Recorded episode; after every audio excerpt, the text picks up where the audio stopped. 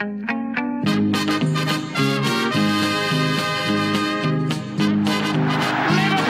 are champions of Europe again. Liverpool are prize winners again. Liverpool is in the record books.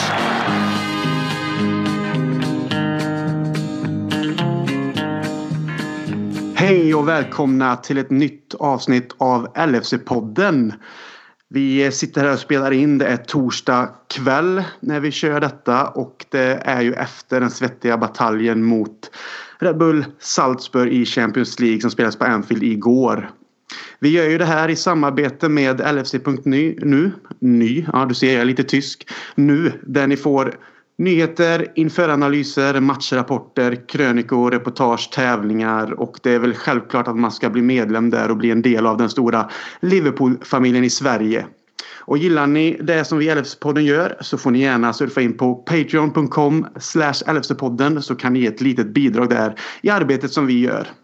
I det här avsnittet kommer vi såklart lägga fokus på Champions League-matchen eh, och sen så kommer vi även snacka upp mötet mot Leicester i Premier League som spelas på lördag på Anfield. Jag heter Christer Andersson och med mig idag så har jag Kalle Sundqvist. Hur är läget med dig Kalle efter gårdagens match? Har du lyckats smälta det som skedde framför våra ögon? Ja, men det har jag. Eh, det, det är bra, ska jag säga. Eh, jag fick en liten eh, känga här tidigare i veckan av eh, både Robin och Danne inför, eller i måndagens avsnitt här. Tanken var att jag skulle vara med där, men de fick det ju att låta som att man hade fejkat någon form av sjukdom där efter helgens bataljer, men det spelar, nog, det spelar nog sin roll i det hela, men nu är jag uppe på hästen igen och, och mer redo än vad jag var i måndags kanske. Och komma in efter ännu en vinst och snacka lite fotboll, det, det gör jag så gärna. Ja, det är ju ändå som sagt Liverpool i Champions League nu och det är ju Man kan ju prata om ligan och formen vi har där men det är också Champions League-resan som har tagit sin start och Ja, matchen igår eh, var ju lite av en måste-match enligt mig. Någon, eh, liksom en match man måste vinna. Vi hade en förlust mot Napoli borta i första Champions League-drabbningen. Eh, och sen kommer vi ju från en svår och tung bortamatch i Sheffield också som har slitit på benen. Så att det kändes ju någonstans som att ja, matchande däremellan och den här eh, insatsen som skulle på något sätt göras. Eh, var man väl kanske lite så här, hade väl favoritskap hos Liverpool men känslan var väl samtidigt att man vet aldrig men att man måste vinna. Det blir lite kniven mot strupen helt enkelt. Vad, hur var din känsla inför, inför bataljen?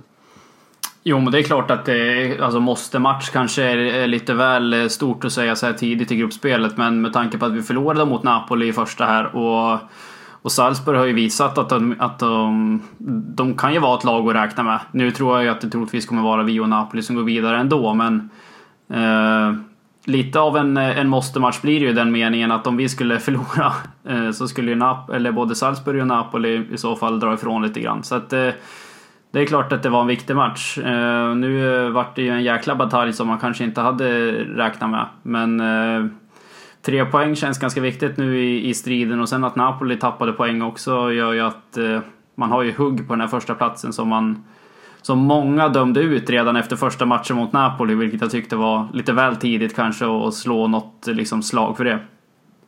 Ja, jag kände väl just när jag säger måste-match, just som du säger med förlusten mot Napoli och sen att vinna på Anfield mot ett Salzburg då, som vann stort mot eh, Genk. Och eh, klart, nu tog ju Genk poäng av Napoli, vilket är bra på det sättet. Men eh, det var väl den här känslan, ska man ändå ta ett grepp kring det så är man i alla fall tvungen någonstans att vinna sin hemmamatcher. Det är i alla fall det som känslan ger i ett gruppspel. För man tänker att kanske vi hade en relativt enkel grupp. Men man ska inte underskatta de här lagen som ändå någonstans kommer med massa energi in i Champions League och får vara med de stora grabbarna. Om man ska dra den liknelsen. Och Salzburg kom ju också från en 4-1 vinst mot Austria Wien i, senast i ligan. Och sen har de haft en stark målproduktion i sina senaste matcher och inte minst mot Genk som vi har nämnt här.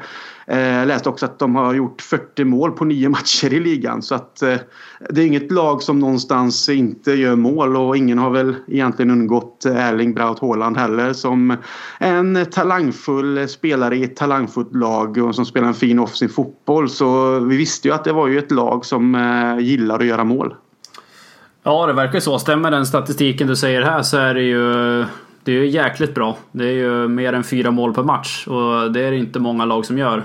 Eh, sen ska väl jag i ärlighetens namn säga att jag kanske inte är en flitig tittare av österrikisk fotboll. Men eh, Men att eh, ändå producera de visar ju nu även på den stora scenen i Champions League, även fast det var mot Genk, att de, de kan ju onekligen göra mål. Och Haaland verkar ha haft en jävla, jävla fin form. Nu fick han ju inte starta igår efter sjukdom, men han, han kom ju in där till slut och gjorde ett mål. Så att eh, det är ganska kul tycker jag också med de här lagen som ändå slås in på, på den lite större scenen i form av Champions League i det här fallet då. Och ändå liksom spelar sitt sitt spel med unga lovande spelare från eh, en eh, väldig massa olika länder. Så att det, det är kul att sådana lag sticker upp också. Sen eh, kanske inte liksom eh, Red Bull-konsortiumet eller vad man ska säga, kanske inte är det sexigaste man, eh, man har upplevt. Men eh, spelet och liksom laget som sådant verkar ju jäkligt intressant.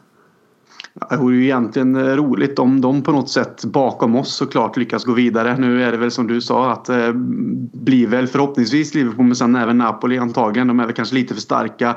Vi får se. Man ska inte som sagt underskatta men det hade varit kul att se dem fortsatt faktiskt Champions League anser jag. För det var ju en eh, relativt frisk fläkt vi fick se det sen med vilket vi kommer till. Ehm, men Liverpool ställde upp med samma lag som mot Sheffield förutom att Gomes då ersatte Matip som hade fått någon smäll i den matchen. Så vad tänkte du om startelvan när du såg den? Var det bara det som egentligen skulle vara på planen?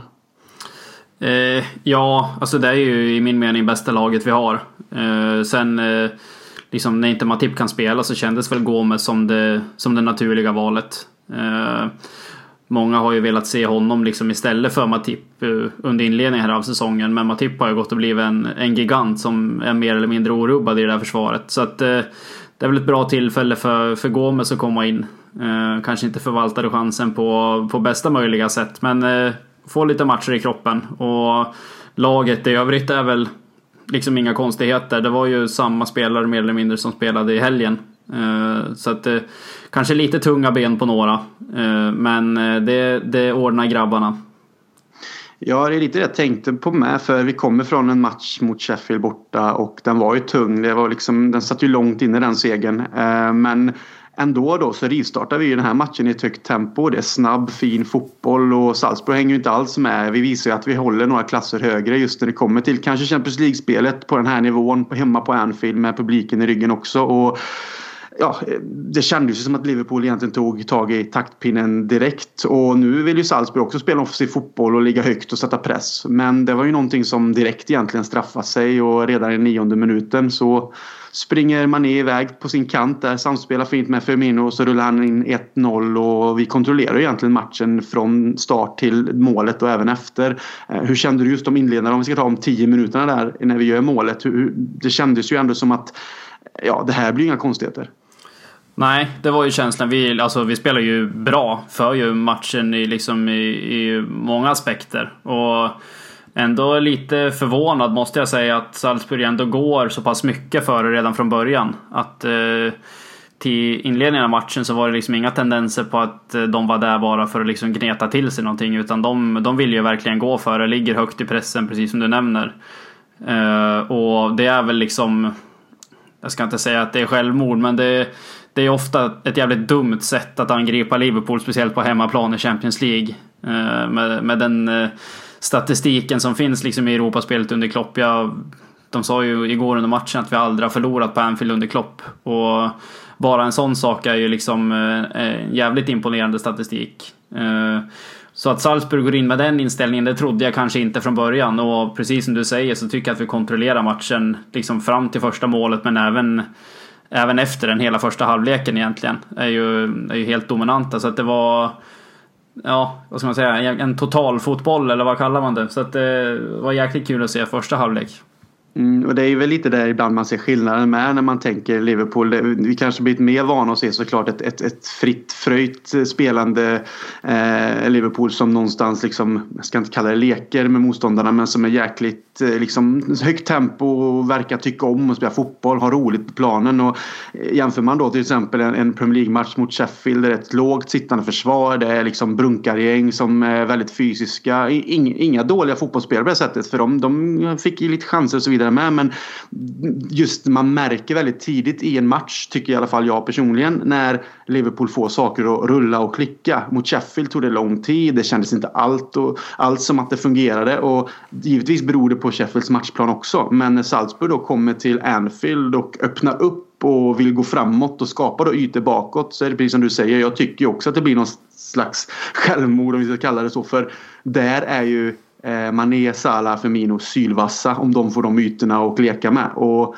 all respekt för att de kommer och försöker och spelar sitt spel och vill liksom utmana på det här sättet. Men vi märker ju sen också att det är ju det som gör att vi kontrollerar matchen. Och i den 25 minuten så får eh, älskade Robertson göra mål också. Det första i Champions League och det är ett mönsteranfall tycker jag. Man ser Salah få en boll och spelar ner den till Henderson och han slår en direktpass ut till Alexander Arnold som direkt spelar in ett inlägg längs med marken och så är Robertson då förste man före sin försvarare och så är det mål. Det är ett sånt där anfall som man bara älskar att se. Det liksom klapp, klapp, klapp och så bara in i mål och det blir ju sån skön känsla när man ser glädjen i Robertsons ansikte också att han får göra mål. Och det är ju lite det. Man märker att det rullar på, det klickar och då känns det som att det här Liverpool är liksom oslagbara i de stunderna.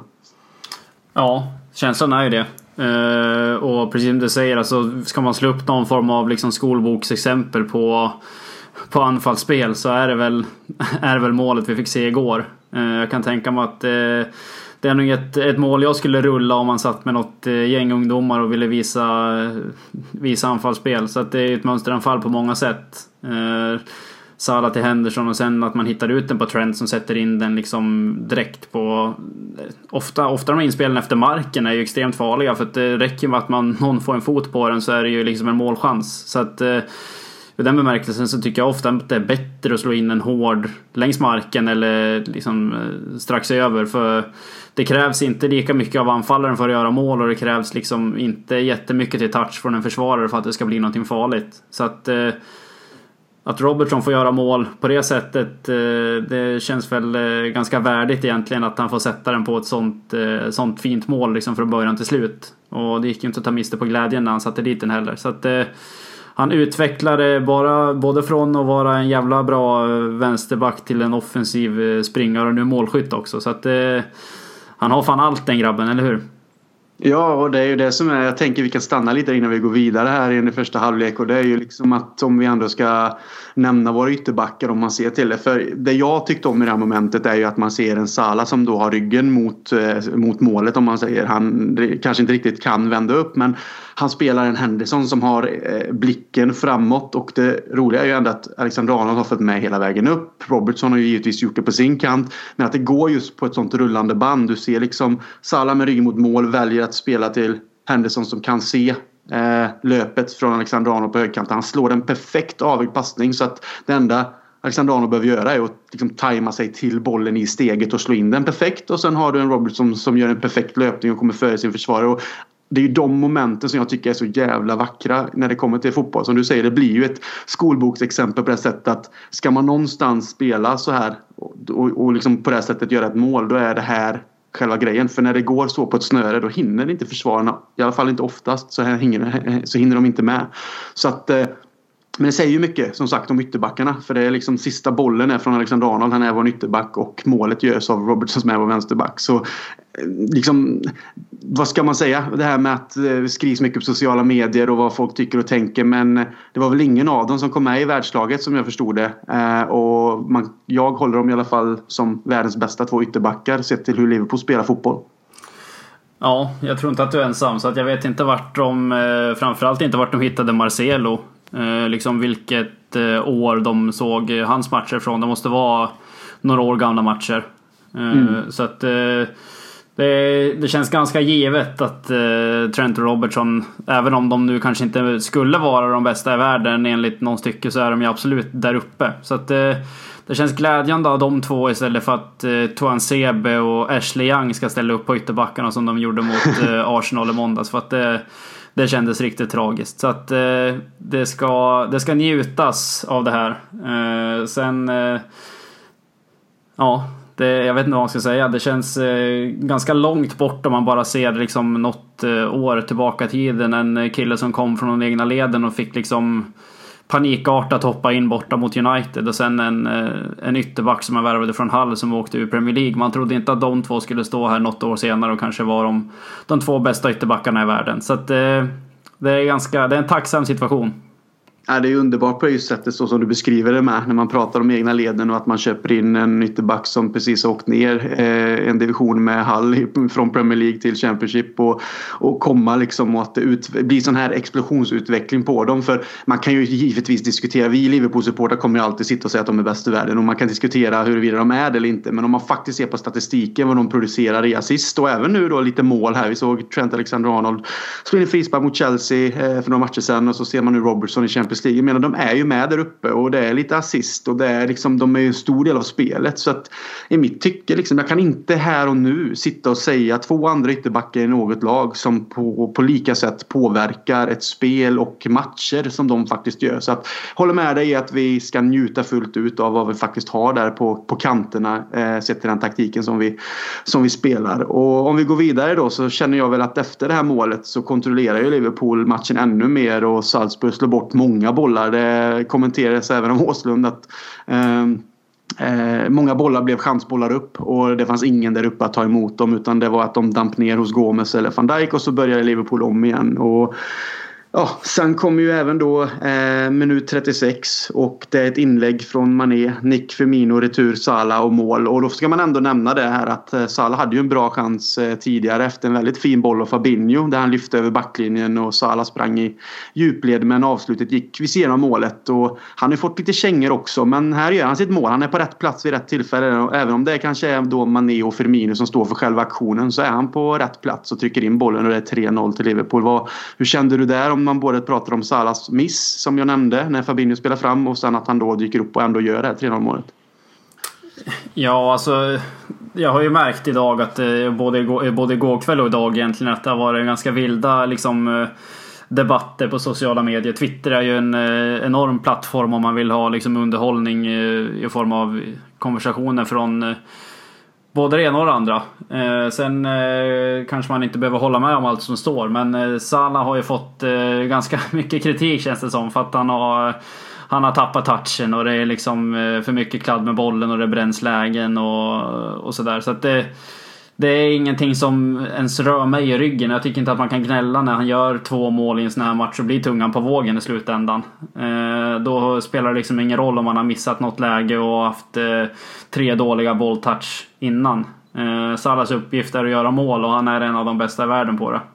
Så att Robin skrev en ganska slående tweet här igår eller om det var i morse att liksom de som gnäller på på den här typen av spel och de här aktionerna. De eh, liksom borde förtjäna Ricky Lambert och Borini och den typen av grabbarna igen. För att det, det är lite som man har snackat om tidigare med, med Trent och, och Robertson. Att liksom ha både Salah, Mané och Firmino i, i de offensiva leden. Det, det är också få förunnat. Så att jag tycker att man blir... Det är klart att det är lätt att bli hemmablind och kanske ta det för givet att man har de här spelarna i laget. Och att det ska liksom kastas eh, kastas kängor åt det ena och det andra hållet när det är någon som har en liksom halvknackig match.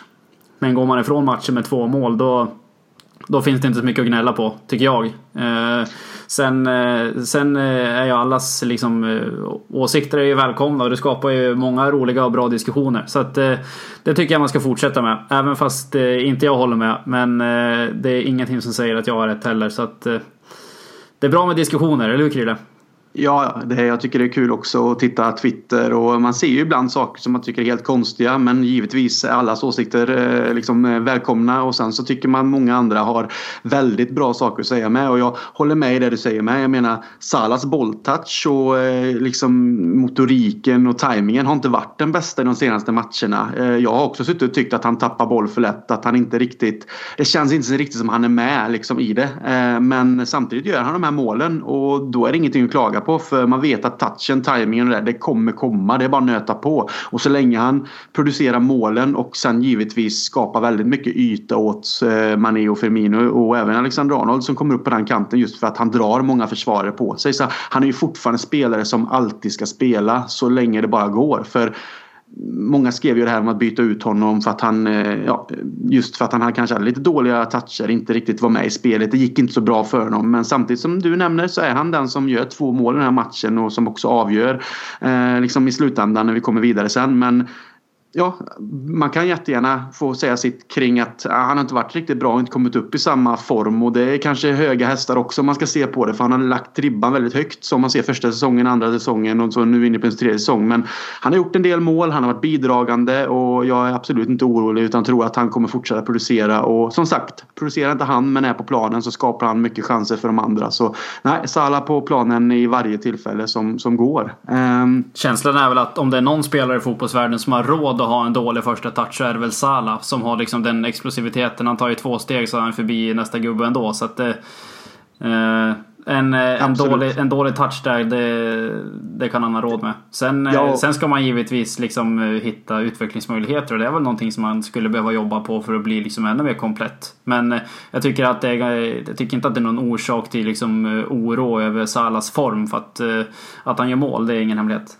Nej, absolut. Vi, vi, vi klappar det så och så får folk tycka såklart vad de vill. Men eh, vi säger väl att Salah ska vara på planen jämt antar jag. Eh, senare då så känns det väl som att den här eh, första halvlek och matchen kanske i stort sett, och det kanske är det som blir fel också i långa loppet, att det känns egentligen klart. Vi leder med 3-0, vi kontrollerar fortsatt matchen.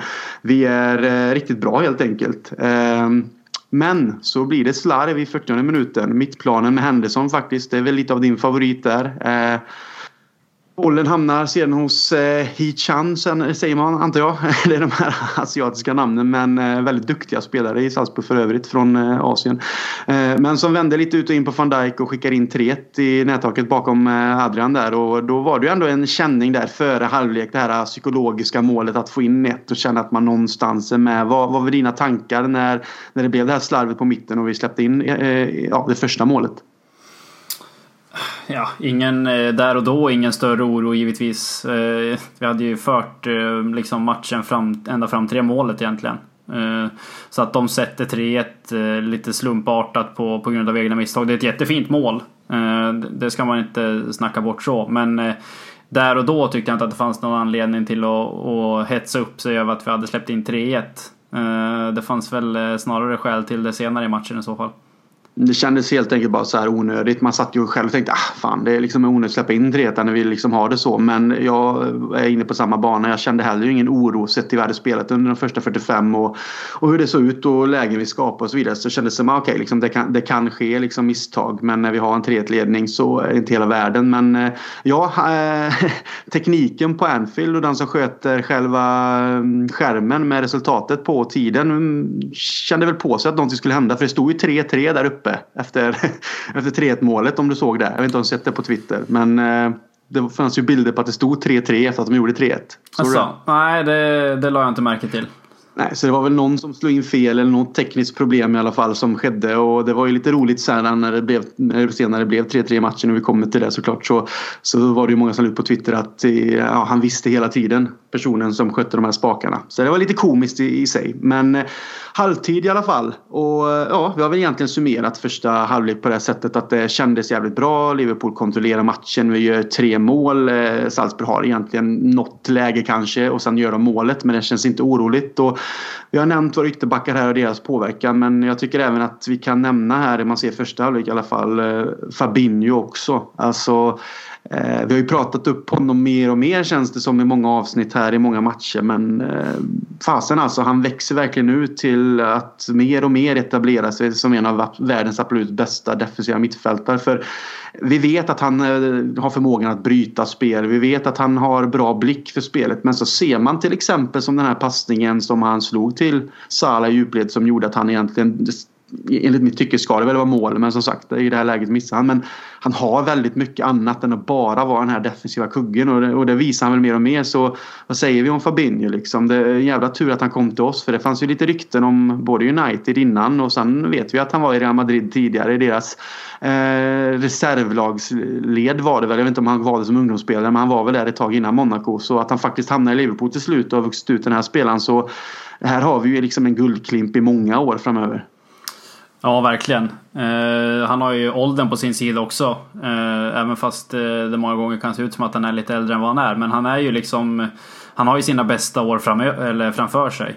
Eh, och den Fabinho man ser nu, det var väl det många drömde om liksom när eh, bomben slog ner att han var klar för Liverpool. För att det kom ju från liksom ingenstans. Eh, så att eh, den hypen som var där och då, den eh, liksom på den nivån tycker jag att han är nu och ännu bättre ändå. Så att eh, att nämna han eh, liksom bland eh, liksom i kategorin världens bästa defensiva mittfältare, det tycker jag det är ingen överdrift. Och det det får man ju höra både från eh, experthåll och motståndarspelare som liksom hyllar honom till, till skyarna. Så att han är ju en jävligt komplett liksom, defensiv mittfältare. Han är ju inte den här städgumman bara som är där för att liksom, uh, hålla rent. Utan han har ju liksom allt annat också. Blicken för spelet, passningsfötterna.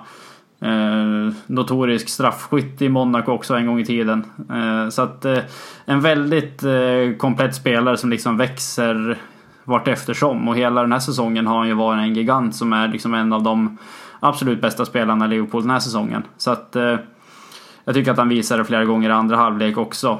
Eh, vi kommer till, till sista målet här sen, sen kanske. Så att där har han också en, en bidragande orsak. Så att eh, många bra aktioner i många matcher på, på rad av Fabinho som eh, liksom, det måste vara ganska tacksamt för, för fronttrion och de andra mittfältarna att ha honom liksom, eh, som en central kugge där på mitten. Eh, det borde, det borde skapa lite mer liksom, utrymme till, till frihet för de andra lirarna också. Ja, sen får man ju se det så nu och det är väl på både gott och ont för spelarna men eh, just för mittfältsspelarna så är det ju en fråga om att konkurrera in sig på de platserna som Wijnaldum och Henderson spelar för tillfället. För Fabinho-rollen liksom, det finns liksom ingen som kan ta den ifrån från honom just nu. Då, då krävs det riktigt dåliga insatser eller en skada helt enkelt eller en avstängning. Men jag menar så som han spelar nu så finns det ingen som rår på honom och då handlar det om att konkurrera om, om de andra två platserna. Och det kan vi ju diskutera lite här som också liksom sett till hur, hur andra halvlek eh, ja, eh, utvecklades helt enkelt. Jag tänker vi ska gå in på det här nu. Vi kommer ut i andra halvlek och det är inga byten från Klopp. Eh, men direkt känns inledningen riktigt dålig och att det är nästan till ett annat lag på planen jämfört med första halvlek. Och, eh, I alla fall kände jag så. Liksom den känslan infann sig eh, väldigt snabbt och däremot kändes Salzburg som om de kom ut med en eh, väldigt frisk fläkt. De hade väl hällt i sig några Red Bull kanske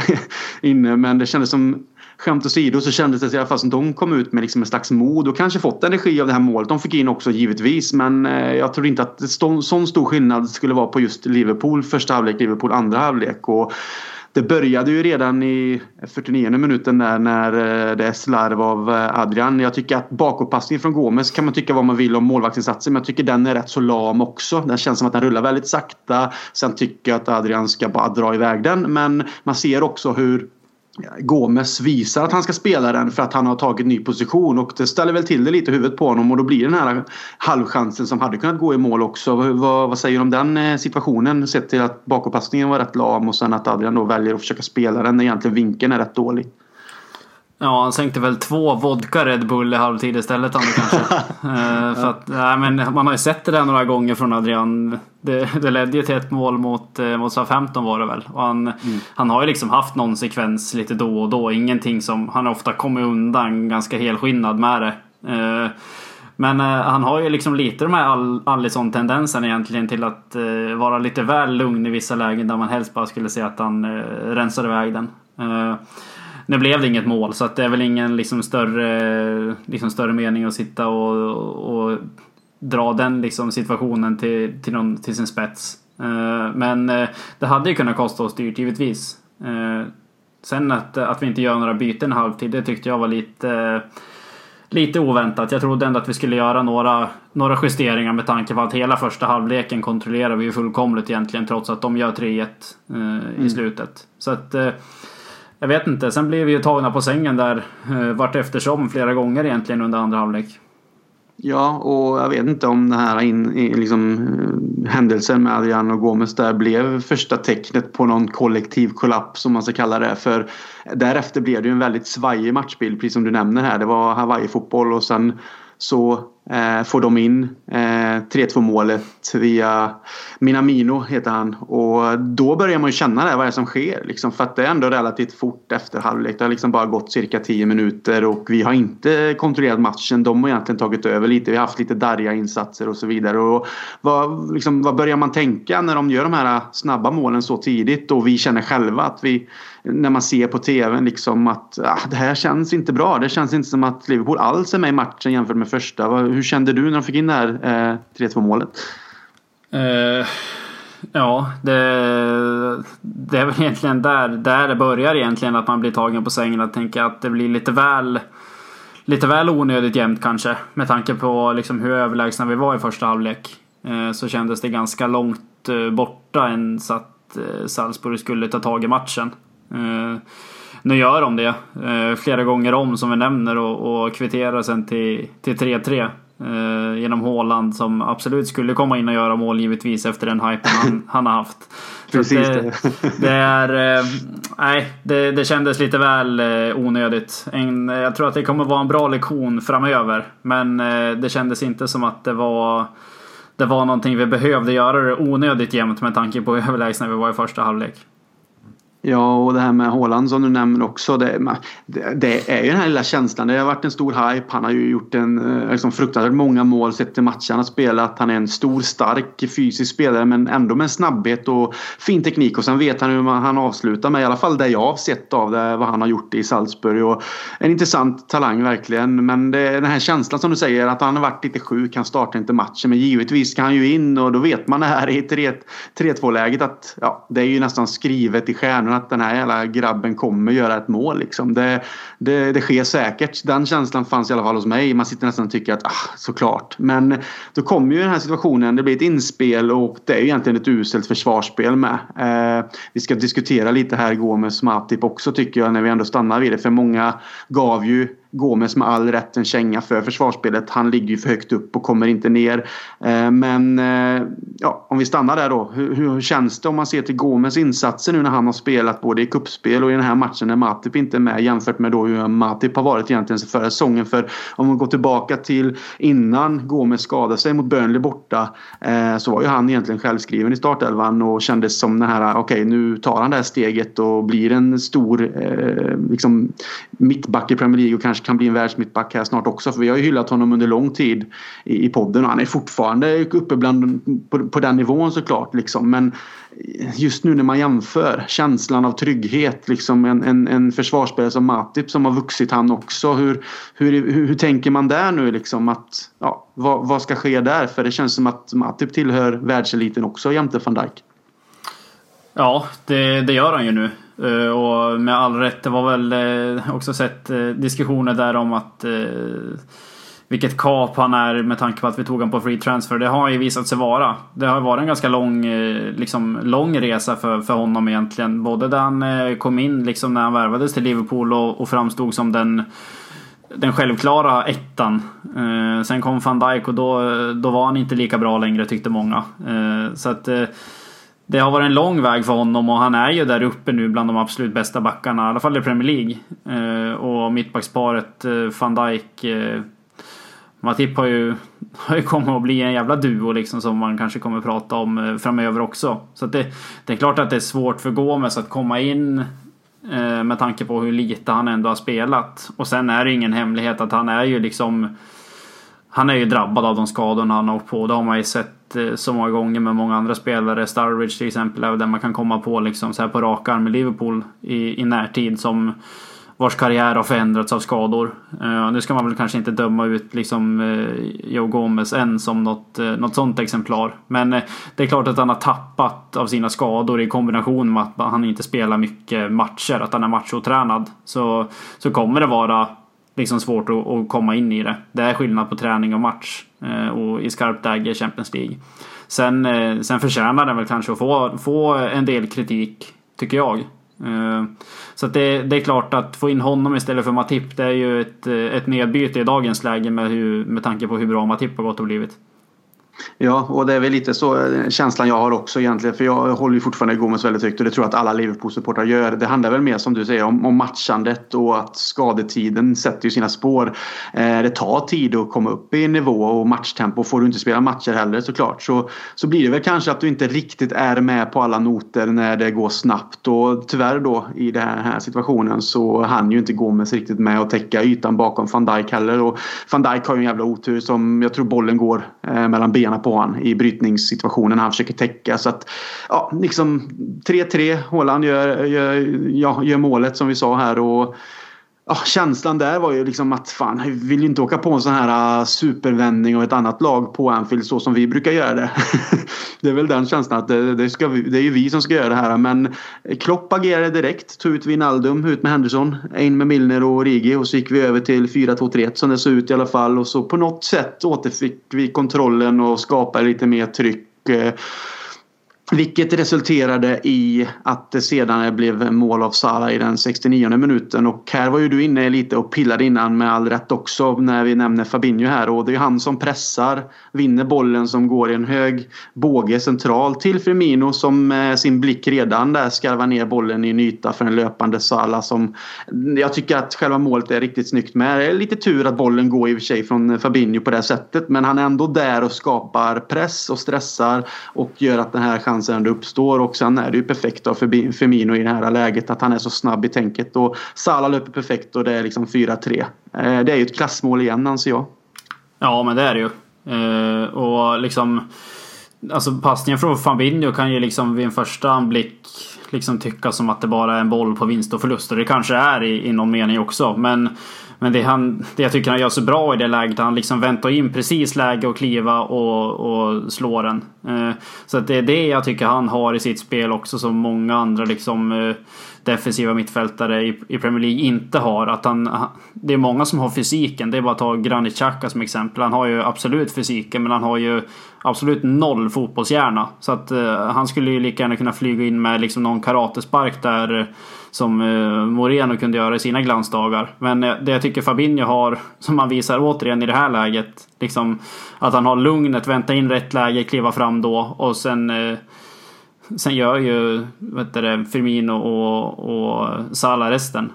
Och, och, trycker in 4-3 och där tycker jag vi stänger matchen egentligen. Efter det, efter det går, tycka att eh, Salzburg går på pumpen. De är ju märkbart liksom tagna av att de har fått slita så mycket i, i drygt 70 minuter blir det ju då. Så att det är mer eller mindre bara Håland som liksom orkar och hålla upp eh, egentligen och sätta någon form av, av press. Men eh, det är liksom helt lönlöst om man är den enda som gör det ensam. Så att där och då, även fast det är en tid kvar i matchen, så, så tycker jag att man kan andas ut igen och att känslan är att vi har stängt matchen där. För att eh, efter det orkar inte liksom Salzburg hålla upp i, i varken tempo eller passningsspel.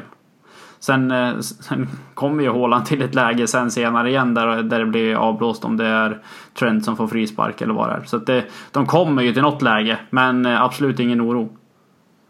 Nej, det är ju den känslan jag fick också när vi gjorde bytena och eh, ändrade formation så fick vi mer eh, liksom, ja, det återskapade någon slags balans och vi tog väl över lite mer och sen får vi ändå in det här målet. Så precis som du nämner också, Fabinho gör det så bra och så är det Firmino Sala. Eh, vi får 4-3 och efter det drog vi ner tempot lite och sen var Salzburg också trötta efter sin liksom go for it mentalitet i andra halvlek. Det märktes lite också även om det såklart det ska liksom all all respekt och beröm till dem för de satte in en väldigt fin insats mot ett Liverpool som kändes skakat. Men 4-3, eh, tre poäng i gruppen. Eh, väldigt viktigt som vi inledde med här just efter förlust mot Napoli i förra, i förra gruppspelsmatchen.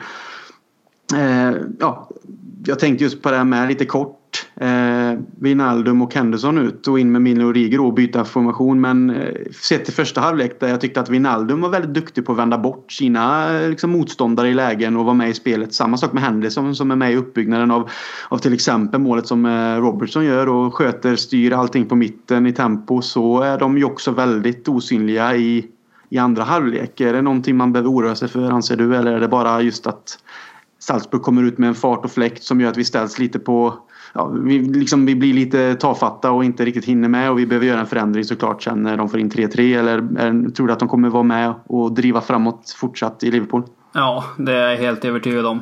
Eh, så att eh, det är ingenting man behöver oroa sig för, tycker jag. Jag tror att det, det kan nog vara en kombination av eh, liksom tuff match i helgen, på det nu igen. Och liksom att Liverpool blev lite tagna på, på sängen där i andra halvlek. Och då krävs det ju någon form av förändring. Eh, sen eh, att det händer så när Wijnaldum som tas ut, det skulle lika gärna kunna vara någon annan. Så att det, jag tycker inte att det är någonting man behöver liksom rikta eh, specifikt mot dem som så. Utan det är väl mer eller mindre bara summera det. Vinst 4-3, tre jäkligt viktiga poäng i Champions League och liksom inte, inte tänka på det mer än så det, eh, det kommer vara en, eh, en bra lektion till framtida tillfällen där man kanske leder med 3-0 att inte liksom eh, ta det för givet när det är 45 minuter fotboll kvar att spela. Så att eh, mer än så tycker inte jag att man behöver, behöver dra det. Tre poäng, eh, det räcker med att titta på tabellen. Sen är det ingen som kommer liksom se hur fan det gick till utan det kommer stå tre poäng där bara. Ja, precis. Och matchen i sin helhet är egentligen, man delar upp det verkligen i två helt olika halvlekar. Första det är ett Liverpool som vi vill fortsätta se. Ett Liverpool som är eh, liksom egentligen världsbäst på det sättet de spelar fotboll och hur de eh, approachar motståndare och hur de egentligen massakrerar dem på det sättet. Andra halvlek är ju det Liverpool vi absolut inte vill se och vi får ju hoppas att det på något sätt det går in hos spelarna och Klopp säkert när de liksom pratar igenom och analyserar den här matchen att det här är liksom eh, ingenting som, som på något sätt sätt ska fortsätta utan här ska vi liksom vara mycket starkare framöver och det är väl egentligen det man får ta med oss från matchen tycker jag och lära sig av att andra halvlek egentligen bara dela ut och så ta med oss första halvleken in i matcherna som kommer för där är vi verkligen på en helt annan nivå och eh, visar egentligen var skåpet ska stå. Så med det sagt så kommer vi gå över här på, på matchen mot eh, Leicester som vi ska snacka upp som är hemma på lördag klockan 16 eh, avspark. Eh, och Innan vi gör det så tänkte jag att vi kanske snabbt bara ska ta några lyssnarfrågor som vi har fått in på Twitter här. Vi ställde ju, eh, la en Twitter tidigare idag där vi frågade om det är någon som har lite frågor och sånt. Så jag tänkte att vi kan ta någon här så får vi se om vi kan ge något bra svar. Vad tycker du Kalle? Ja, bra svar vågar jag inte lova men vi hugger in på frågorna så får vi se. Ja, det eh, var ju Anders Bohm här först faktiskt. Det känner jag väl egentligen nu när jag ser att också att vi har eh, diskuterat eh, försvarsspelet där han frågar efter gårdagens match och att man ska känna oro då för saknaden av Matip. Men det var ju du inne på med här att Gomes har inte matchats och eh, Matip eh, har ju en smäll. Vi får se om han är redo nu till på lördag. Jag har faktiskt inte läst någonting men eh, det är väl ingen oro egentligen där. Jag menar Gomes är en superersättare på det sättet jämförelsevis och får han spela mer matcher så tror jag att han kommer växa också. Så att det är väl ingenting där egentligen att vara orolig för. Jag tänker vi kan gå vidare här och se här. Det är lite intressant för det här har liksom slagit mig själv också. Det är Pontus Lundell som ställer frågan och då kan jag ju faktiskt ställa den till dig här då, eh, Kalle.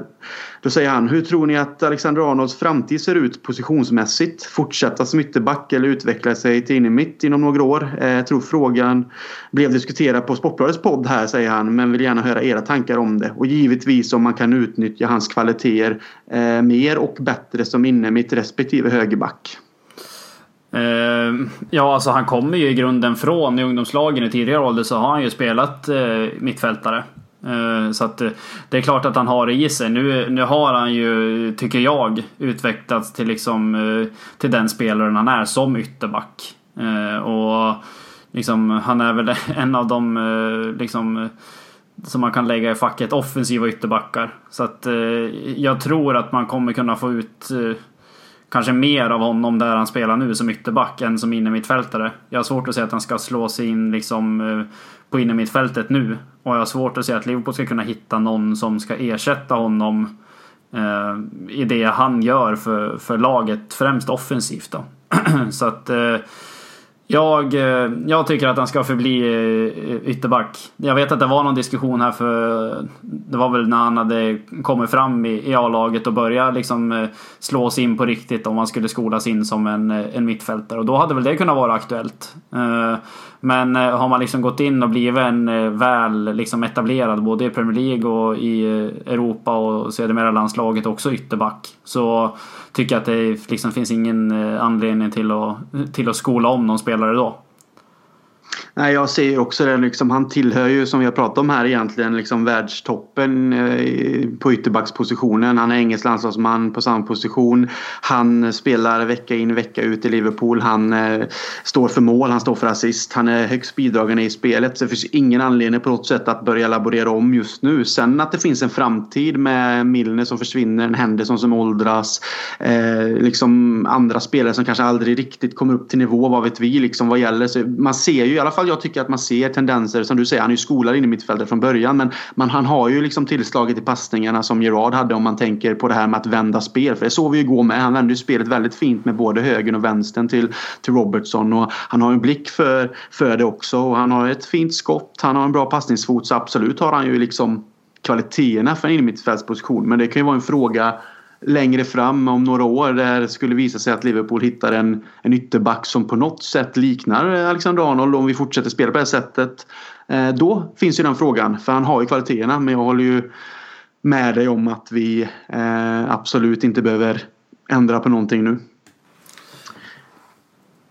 Eh, jag tänker här att vi går vidare och pratar upp Leicester här så att vi hinner få med allting i kvällens eh, avsnitt. Och som sagt, det är ju ett Leicester då som kommer från 5-0 hemma mot Newcastle senast. Eh, ligger trea i tabellen med 14 poäng. Eh, och det är ju någonting då som Brendan Rodgers eh, har format någonting starkt. Och såklart då bygger någonting väldigt intressant här med Leicester tycker jag. Han har fint material med en Vardy och Madison och Telemens och en Didi Pereira för att nämna några. Jag tycker att Leicester är ett jäkligt trevligt lag att kolla på. Eh, intressant också liksom.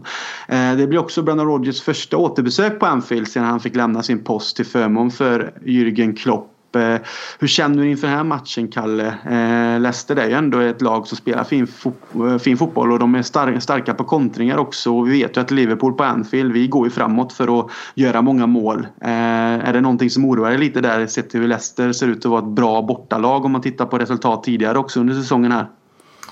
Ja, oro ska jag väl inte säga, men snarare lite mer liksom spänd förväntan för att jag tror att det kommer bli en jävligt bra match. Uh, Leicester hemma är väl hittills liksom det största, största testet. Jag tycker att det känns som ett större test än att möta, möta Arsenal. Uh, Leicester är ju liksom ett av de formstarkaste lagen i Premier League och liksom har visat nu efter sju omgångar eh, 14 poäng, 3 i tabellen att de, de är att räkna med. De kanske inte kommer hålla sig där hela säsongen men jag tror definitivt att de är en kandidat för att liksom kvala in på, på topp 6. För det tycker jag att de har liksom betydligt mer i sig än vad vissa andra av de här gamla, gamla heliga topp 6-lagen har. Eh, liksom, om man ska dra någon eh, rak eh, liksom jämförelse om man jämför Manchester United och Leicester så tycker jag att Leicester känns som ett eh, liksom mycket mer eh, väloljat maskineri med, med bättre spelare på väldigt många positioner. Så att eh, mm. Leicester eh, hemma, det, det, kommer inte bli någon lätt match. Absolut inte. Så att eh, det är, eh, det är en av de här, jag ska inte säga större matcherna, men det kommer ju bli det den här säsongen hittills i alla fall. Som, eh, som vi ställs mot i, i Premier League. Så att eh, det ska bli jäkligt spännande att se. Du nämner ju många fina här, liksom Vardy, Madison och Thielemans, att de tog in honom igen. Eh, de har varit bara på lån där tidigare. Och Ndidi tycker jag också är en jäkligt bra spelare. Så att eh, offensivt eh, så, så är väl eh, Leicester liksom eh, om man ska dra någon form av jämförelse när de vann, eh, när de vann ligan så var det väl mer eller mindre liksom Mares som var liksom offensiva nyckeln och Vardy körde mycket djupbollar och sen hade de eh, Okazaki som bara sprang och röjde. Så att det här känns, det här känns ju som ett eh, mer liksom samspelt eh, lag i den meningen. Så att jag tror på Leicester den här säsongen. Jag tror de har någonting jäkligt spännande på gång och något, något att erbjuda på riktigt i Premier League. Så att det ska bli kul, och, kul att se vad de har, har att erbjuda på Anfield. Och sen extra kul ja. att Rodgers kommer tillbaka också. Givetvis. Ja, och sen eh, om man ska säga så med, de verkar ju, om man nu kan kalla det, kommit över förlusten av Maguire också som gick till United för rekordpengar. Det har ju liksom inte eh, märkts överhuvudtaget att han har lämnat som har varit som framstående försvarare för dem i, i några säsonger. Så märks det ju knappt tycker jag. Jag tycker att de ser liksom lika stabila ut men liksom fortsatt eh, mycket bättre än, än de här säsongerna. Sen guldet då har de ju någonstans fått, de tappade Mares och det har varit lite andra förändringar men någonstans nu med Rodgers just har han ju börjat hitta och det, en pusselbit var ju till exempel Thielemans som de köpte in då från Monaco efter lånet för säsongen och eh, Madison är ju också en spelare som jag gärna hade sett i Liverpool. Jag tycker han är fruktansvärt bra eh, och intressant att titta på med. Liksom, de spelar rolig fotboll, de är farliga så att eh, jag håller med dig. Eh, Rodgers har byggt någonting intressant där och jag tycker att det är, inte kanske en oro, men det är ett av de lagen också som du säger Kalle där att eh, det blir en stor match för mig här även om det är på hemma, hemmaplan. Eh, Leicester tog poäng Eh, av oss förra säsongen och det ser vi ju vad det kostar i slutändan om man ska dra det, om man ska dra det liksom på, på långbänk så liksom att den förlusten av poäng skapar ju kanske någonting där vi hade kunnat fira istället av slutsäsongen. Eh, sen är det klart att det kan bero på andra tillfällen också. Men det är ändå poängtapp på Anfield. Och vi vet ju med ett City som jagar oss nu att vi liksom tappar poäng hemma är ju liksom inte optimalt. Det finns ju att man kan tappa poäng mot större lag eller ibland på bortaplan för att det är inte alltid enkelt. Men just hemma är det ju lite liksom skrivet i sten att det ska vara våran borg om man ska gå för ett guld när det är, sån, eh, när det är så tajt mellan just oss och City. Vi har ju skapat ett väldigt stort gap mellan eh, oss och andra lag men eh, det går ju aldrig, även om City åkte på en plump mot Norwich borta så är det, går det aldrig att räkna bort dem. Man märker att de som mot Watford trycker in en jäkla massa bollar så att någonstans ligger det ju fortsatt på oss här att slå Leicester och och eh, ta de här tre poängen för att bygga vidare när det kommer viktiga matcher här framöver och inte långt till både Tottenham och City och så vidare. Så att, eh, hur känner du att vi ska liksom lägga upp spelet? Hur ska vi tänka? Ska vi liksom gå ut och köra som vi brukar eller ska vi vara lite passiva eh, just för att vi vet att de har en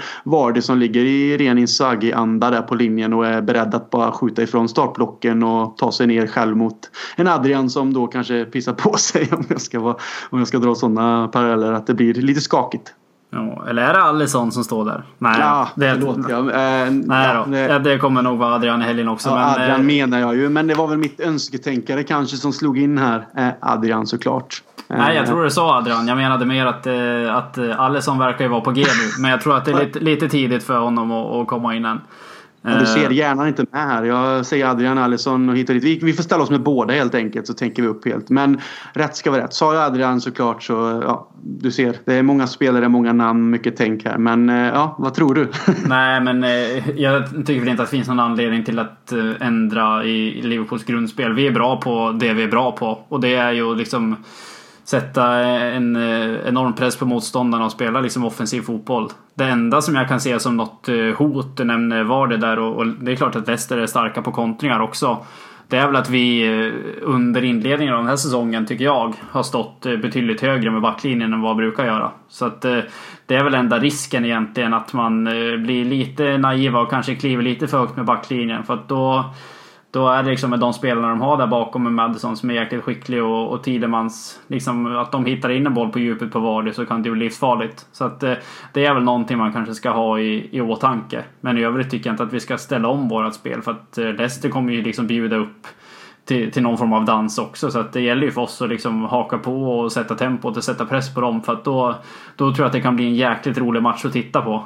Eh, och sen är det bara att hoppas att det är eh, en av de dagarna där fronttrion där gör vad, vad, vi hoppas att de ska göra. Så att eh, jag tror att det kommer bli en jäkligt rolig match. Men det är liksom ingen anledning till att att Liverpool som leder ligan och är liksom regerande Europamästare ska börja anpassa oss för att Leicester kommer på besök efter, efter sju omgångar i Premier League. Det, det tycker jag inte finns någon anledning till. Nej, jag tänker lite att eh, såklart att man får ha vissa tankar kring deras eh, ja, varor som spets och sen att man har Madison som eh, Madison som spelskicklig där och även till och med alltså, liksom, det finns ju någonting hos dem där man som sagt inte får släppa yta bakom. Då, då tror jag att vi klarar av det också. Eh, det är väl mer som du säger där. Jag, jag, jag har ju en, en, annan oro för Leicester jämfört med till exempel Arsenal och det är, det är för att de har börjat så starkt och jag tycker att de har en talang och de är farliga och det har de visat i många matcher och tagit poäng så. så att, men jag håller med dig, vi leder ligan. Vi är eh, för tillfället bäst i, i England sett i tabellen och vi är även eh, ja, eh, regerande Europamästare. Så att liksom ingen ska ju komma till Anfield och tro att det här blir en enkel match utan vi ska ju vara på tårna och kunna ge dem en ordentlig match och visa vad det, vad det är som gäller så att säga. Men eh, jag kan inte hjälpa att jag känner en liten eh, oro. Eh, det gör jag faktiskt. Men det är väl kanske inför varje match just för att man vet hur jävla viktigt det är att vinna. Eh, I alla fall hemmamatcherna. Eh, något vi behöver liksom ändra på i startelvan tycker du eller ska vi på något sätt fortsätta gå för det vi har haft tidigare? Här, de matcherna vi har sett. Nej, men det är väl bara liksom knyta tummarna och hoppas att uh, Matip är spelklar. Det vore ju givetvis det bästa uh, till, till en sån här match också. Uh, pratade tidigare om att man ville kanske passa upp för att ställa backlinjen lite för högt och var det går på djupet och det man inte vill ha då är väl kanske ha en backlinje som kanske inte är helt synkad och, och flytta linjer där den inte är tänkt att vara. Så att det, det är klart att man vill in Matip. I övrigt tycker jag inte att vi ska göra någon förändring egentligen. Det vore kul att se Keita. Jag vill ha in honom lite mer i, i spelet. Så att det är någonting jag skulle vilja vilja se. Men eh, jag tror nog ändå att vi kommer ställa, ställa samma lag som vi, som vi har gjort de eh, senaste matcherna. Om vi leker med tanken att Keita kommer in eh, på bekostnad av vem då? Skulle du säga? Wijnaldum skulle jag säga. Wijnaldum. Det tycker jag. Mm. Nej, men jag är med på samma spår egentligen. Jag tycker att eh, alltså, man kan säga vad man vill som sagt om insatsen mot Sheffield. Det är ju en kämpaseger i sig att vi tar de tre pinnarna när det är ett sånt lågt försvar. Men jag tycker att laget ändå gjorde det, nötte ner det. Och man kan säga också vad man vill om eh, gårdagens match mot Salzburg med att Henderson och Wijnaldum blev utbytta för att vi ändrade om lite. Men jag håller med dig Callum att det är starkaste elvan som ställs på planen eh, om Matip kommer in för Gomes. Det vi har sett det senaste.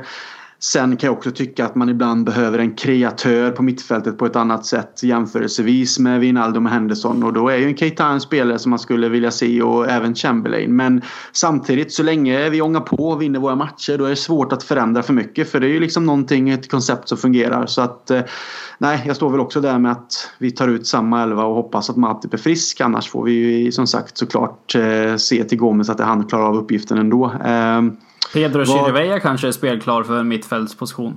Absolut, han har lite, liksom, lite S i rockärmen där. Lite teknik och kreativitet. Så absolut, varför inte? Det är också en soppa som, som vi kanske inte behöver gå in på här nu. Men vi får se var den slutar. Men det, ja, det är lite komiskt på ett sätt och lite tragiskt på ett annat. Eh, Mest vi... Eh, komiskt tycker jag. jag. Jag fattar inte ens hur en sån sak kan hända. Fan i svenska systemet som där man använder och lägger in startelvor och grejer, fog som det heter. Då hade det ju lyst rött på en gång hur fan kan ni inte göra det i, i ligacupen? Det är ju helt obegripligt. Så att eh, det, jag fattar inte ens att sådana saker kan hända. Så att eh, jag ser mer på det komiskt. Nu vart det en liten böteslapp och det, det har mm. de nog råd med. Så går vi och eh, spöar Arsenal nästa omgång sen istället. Ja. Um, vad tror du om resultatet på lördag då? Om vi ska göra ett litet tipp här innan vi avslutar. Ja, jag gissar ju alltid på 3-1 när jag sitter här och gissar resultat. Så att vi kör väl på det igen då. 3-1. Ja, men då säger jag att vi, vi vinner med 2-0. Vi håller, vi håller faktiskt nollan och så gör vi två mål. Vi lyckas eh, ja, på något sätt liksom visa Leicester att de inte kommer ha någon chans här och så vinner vi ändå matchen. Det blir väl antagligen som jag förstår det tröjtävling i vanlig ordning på Twitter så det är ju bara att följa oss där och på eh, andra sociala medier. Vi har ju Facebook och Instagram så det är bara att gå och kolla på LFC-podden om man vill följa saker som händer. Och Annars så har vi väl egentligen pratat igenom allting vi borde prata om, Kalle. Eller någonting som du vill tillägga innan vi avslutar? Uh, nej men kanske rikta det lite till uh, alla som, uh, är, som ska med på podden Away här i, i slutet av november.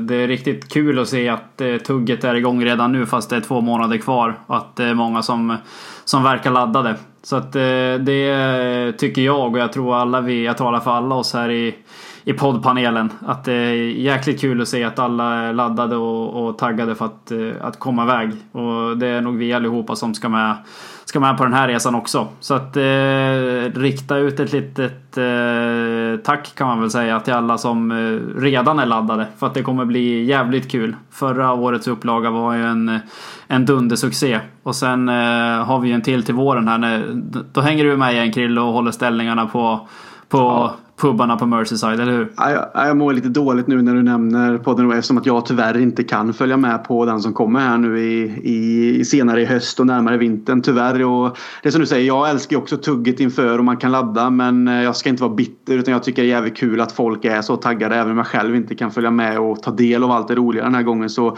tycker jag det är skitkul att folk liksom taggar igång, kommenterar, pratar om vilka flyg de ska ta, ska man dela taxi, att det här kommer bli riktigt kul och vi vet ju att de som var med förra gången precis som du säger att de uppskattar det som fan och jag vet att vi här i podden och då pratar man för alla också. Tyckte att det var skitroligt. Eh, liksom möta våra lyssnare, snacka fotboll, dricka bärs, gå på match och umgås bara. Det, det kan egentligen inte bli bättre. Så nej, det, jag ser fram emot att sen ta igen det dubbelt då till våren. Så då blir det, då blir det fart, Kalle, det vet du. Kanske Det- vi delar rum också. Det kan bli farligt. Nej, det vågar jag nog inte. Eh, det är väl eh, du eller Jocke Lundberg så att det är väl eh, liksom eh, som en slantsingling. Så att det, det spelar nog ingen Pest större eller roll. kolera va? Ja, det brukar vara så.